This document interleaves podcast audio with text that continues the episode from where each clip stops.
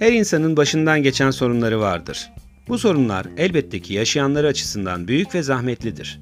Bunun içindir ki herkes için problemli zamanlar olarak adlandırılanlar en zor geçen ve bir başkası tarafından algılanamayacağının düşünüldüğü anlardır. Seninki de sorun mu? Ya benim yerimde olsaydın? Akıl vermek kolay tabii gibi cümlelerle ne kadar büyük meselelerimiz olduğunu anlatıp dururuz ya da tersini anlatmaktan kaçınırız. Pek tabii ki yaşanan bütün problemler özerktir. Ancak hiçbiri mutlak gerçekliğe sahip değildir.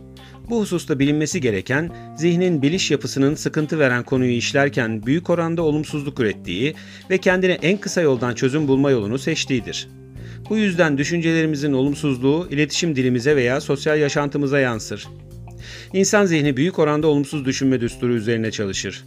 Negatif bilinçlilik halde diyebileceğimiz bu düşünce odakları merkeze kendini alarak kaygıların, bahanelerin ve çıkarlarını kontrolü altında otomatik bir yaşam alanı tasarlar.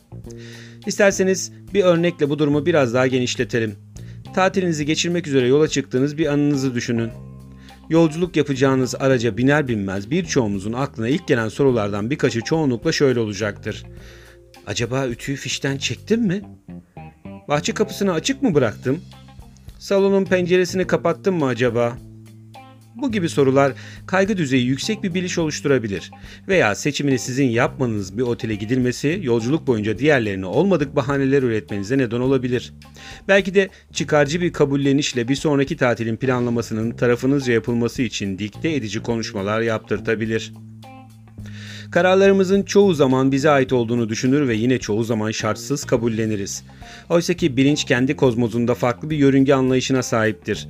Her ne kadar şu anda yaşasak da şu an dediğimiz şey çoktan geçmiş olmuş ve bilinç merkezinde anlamlı ya da anlamsız girdileriyle çoktan yerini almıştır. İşte tam da bu sebeplerden dolayı oluşan telaşlar, müsbet menfi savunuşlar, ben merkezi çıkarımlar bizleri farklı bir gezegenin insanı yapmaya yeter de artar bile.'' Duygularımın esiri oldum. Şeytana uydum.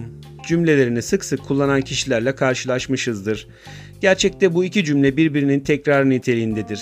Oysaki duyguların davranışlara etkisi yok denecek kadar azdır. Eyleme geçmiş her davranış bilinçli bir farkındalık sonucu gerçekleşir. Yoksa yukarıdaki cümleler kişinin kendini aklamak için ürettiği ve suçu duygularına yüklediği anlamlardan başka bir şey değildir. Bu gibi durumlarla karşılaşan kişi mutlak bir gerçeklik yaşadığını zannederek kendisini gardiyanının yine kendisi olduğu bir hapse sokup hiçbir zaman çıkamayacak ah beklentisi içindeki nevrotik bir mahkuma çevirebilir. Tipik bir kısır döngü halde diyebileceğimiz bu durumu örnek olarak kuyruğunu ısırmaya çalışan kedinin tam yakalayacağı sırada dişlerinin arasından kayıp giden kuyruğuna bir türlü sahip olamayışını verebiliriz.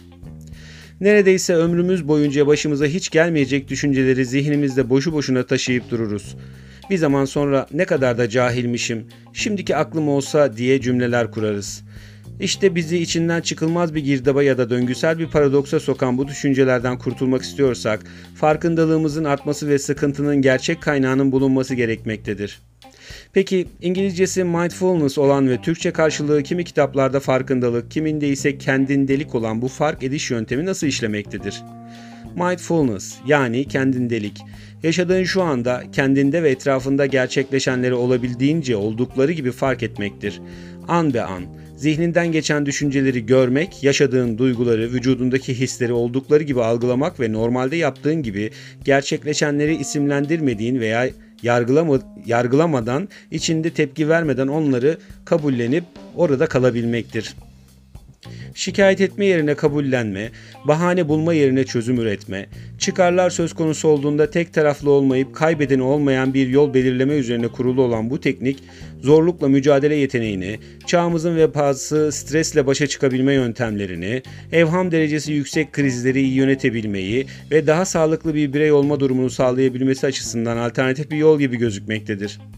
Düşünüldüğünde anda olma durumu biz insanlarda doğuştan itibaren bulunan bir potansiyeldir. Fakat zaman içerisinde bloke olmuş veya acı verici bir deneyimin arkasına gizlenmiştir. Karanlıkta kalmış hatırlanılması güç bir öz cevherdir kendisi. Sorunlu insan ilişkilerinin ve sahip olma arzusunun arttığı günümüzde bilincimizin bizlere fısıldadığı gerçekler gerçekten mutlak mı yoksa farkında olmayı beceremeyen zihinler yine farkında olmaktan ve farkında olmadan karanlık bir tarafa mı geçti? Güç içinde, Zifiri karanlıkta tek bir yıldız bile yolunu aydınlatıp yönünüzü belirleyebilir. Tek yapmanız gereken kafanızı kaldırıp gökyüzüne bakmak o kadar. Evet belki o karanlıkta başını yukarı kaldırırsan seni anında yok ederim diyen bir canavar hareket etmeni istemiyor olabilir. Ama bil ki bir kez gökyüzüne baktığında yıldızın gerçekte sana uzaklığı kadar uzak bir canavar imgesi yarattığını da anlayacaksın.